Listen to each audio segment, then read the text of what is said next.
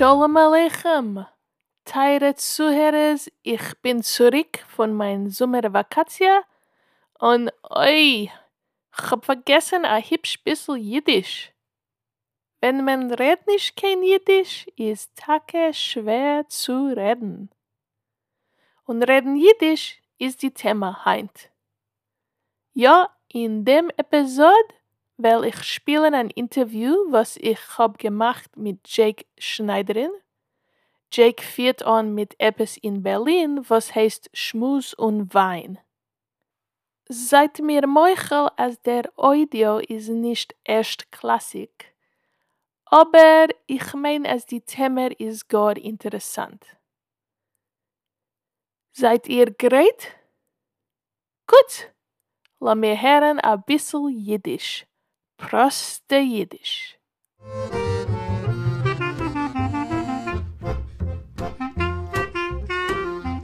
Seid begrüßt zum Proste Jiddisch. Wie heißt du und wo wohnst du? Ich heiße Jake Schneider und ich wohne in Berlin. Schön. Und du stammst von Berlin? Äh, nein, ich bin geboren geworden in, äh, in New Jersey, in die Vereinigten Staaten. Und ich bin arriba in Berlin mit zwölf Jahren zurück. Ah, schon zwölf Jahre in Berlin. Interessant. Ja. Und äh, was ist deine Arbeit? Arbeitest du mit Jiddisch? Äh, einmal arbeite ich mit Jiddisch, aber der Iker arbeite ich äh, wie ein Übersetzer von äh, Deutsch auf Englisch. Und ich weiß, dass du hast geschaffen etwas, was heißt Schmus und Wein. Kannst du erzählen ein bisschen, was ist Schmus und Wein? Schmus und Wein ist ein Schmuskreis, das heißt, wir treffen sich äh, zweimal in Chodesh und schmusen auf Jiddisch. Gewöhnlich treffen wir sich in einer Bar, in einer Schenk oder in einem Café und wir trinken Wein oder etwas anderes und ähm, wir schmusen. Es hat nicht kein Klalim. Der Ricker ist, als äh, wir verbringen zusammen und wir einmal spielen wir äh, ein Brettspiel wie Schach oder einmal äh, singen wir Lieder. Es wendet sich zu äh, der Schenk will als wir soll singen. Aber ähm, ja, äh, wir haben nicht kein Format wie öfter äh, andere Schmuskreisen. Und von wann ist gekommen der Gedanke zu schaffen, einen Schmuskreis? Für was hast du das getan? Äh, ich habe sich gelernt Jiddisch bemäßigt von der Magefe, äh, von der Pandemie.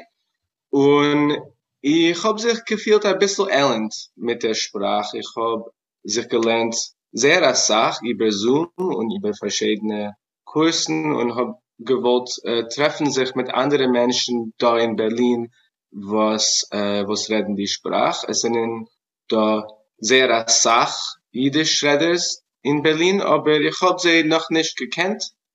Ich habe gewollt zu neu bringen die Menschen, äh, wie bald ich habe sich der wusst, als sie sind Tage nicht äh, kein Treffungen als auch äh, äh, wie wie ein Schmueskreis, wo man trefft sich und redet auf Jiddisch. Und lass mich sagen, also ich, ich bin ein Student in Berlin und ich habe sich gelernt ein bisschen Jiddisch und ich komme rein in Schmus und Wein.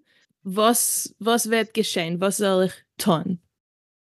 Das ist, das ist Punkt die Frage. Du, du kennst dann, was es soll, was es soll nicht sein. Äh, ich meine, es soll sein, Kimat Punkt so wie, wie ob du was gegangen in ein Schenk mit Chaverim und, und reden dein Mama loschen. Aber ob du redest Jiddisch wie a, wie a zweite Sprach, kannst du proben zweimal in Chodesh zu kommen zu uns und verbringen auf Jiddisch. Es klingt wie Gan Eden. Chaverim, was reden Jiddisch? Was kann sein besser? Und no, Schmusenwein hat sich angehäuben wie ein kleiner Kreisel aber ich verstehe, es ist schon zwei Jahre. Was ist geschehen mit der Kehille? In die zwei Jahren haben wir äh, sich getroffen schon, ich meine, 46 Mal.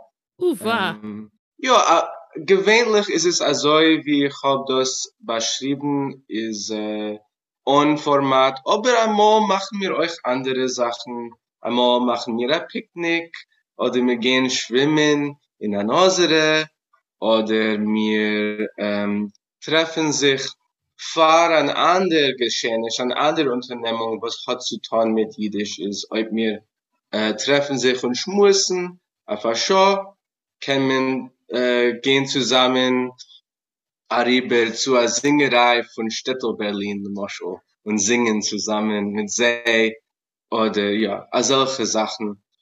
Siehst du eine Sache, was zu tun in Berlin für Jiddisch ist? Ja, wir haben verschiedene Aktivitäten auf Jiddisch. Äh, wir haben einen Lehenkreis, was äh, trifft sich euch einmal in der Woche. Und wir haben euch Klezmer äh, Jam Sessions, jeden Chodesh. Ja, verschiedene Sachen. Aber wir haben nicht keine große Institutions wie, wie Melbourne. Nu, aber ich verstehe, Berlin ist eine Stadt, wo man gibt sich ein Eizer, ja, und schafft etwas, was man will sein. Das ist sehr schön. Ja, ja. Und ich habe euch gewollt äh, sagen, als wir haben gemacht, da war Stadt mit Class California mit ein paar Wochen zurück, kedei zu erklären, wie soll, macht man ein Schmueskreis. Ist für die Menschen, was interessieren sich in machen etwas äh, ähnliches in sehr Ort, äh, kennt ihr gefunden dem Video von unserer Warstadt auf dem Website von Clays California. Ah, sehr schön. Und ich will stellen dem uh, Link in die Episode Bemerkungen. Für Zuhörer, was wohnen in einer Stadt oder äh, Städte, wo sie meinen, es ist nicht kein Schmuskreis, ist, es wird sein sehr nützlich zu sehen, wie du hast geschaffen Schmus und Wein. Ich habe euch gehört, als du bist etwas äh, Tourführer äh, von, von Jiddischland in, in Berlin. Kannst du sagen, ein bisschen wegen dem? Ja, ist einmal in bemeshach von drei Jahren ist da ein Sommerprogramm. Euch ein Jahr, euch ähm, das Jahr wird vorkommen die Sommerprogramm von Madam in Berlin. Und mit zwei Jahren zurück äh, hat Madam mich gebeten äh, zu machen a Tour von der Geschichte von jiddisch redende Immigranten in Berlin. Mhm. Und ich habe gegeben das Tour auf Jiddisch zum ersten Mal. Und danach, nach der Sommerprogramm, sind in Männisch gewesen, genug Menschen aufzumachen das auf Jiddisch, jedes Mal. Ich mach, mach das auf Englisch, aber mit der Sach jiddische Lieder, was ich spiel sehe auf der Gas. Und wir singen euch äh, zusammen ein Lied. Und ich erzähle a sach verschiedene Geschichten von die Menschen, was haben gewohnt auf Ottergas. Ah, sehr schön. Uh, Dank für ein Reden mit mir.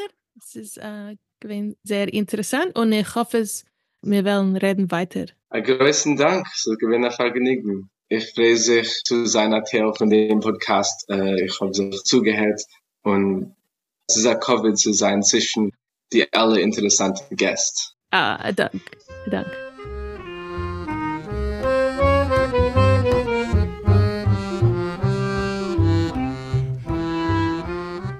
Chevre, das ist gewesen mein Schmus mit Jake Schneiderin. Er ist zacke gewesen gar ein interessanter Gast.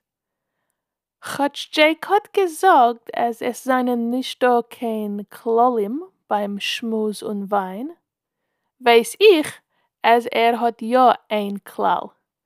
Man muss reden nur Jiddisch. Und das, meine ich, ist sehr wichtig.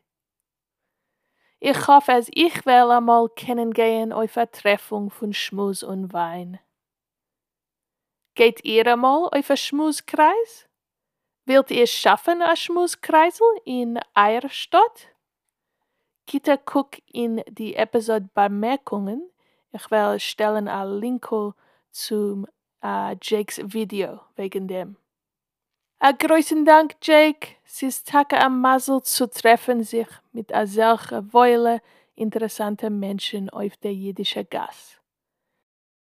Als ihr wilt sein a Gast auf Proste Jiddisch, schickt mir a Blitzbrief.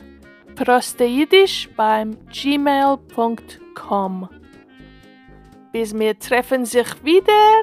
Seid gesund und red Jiddisch.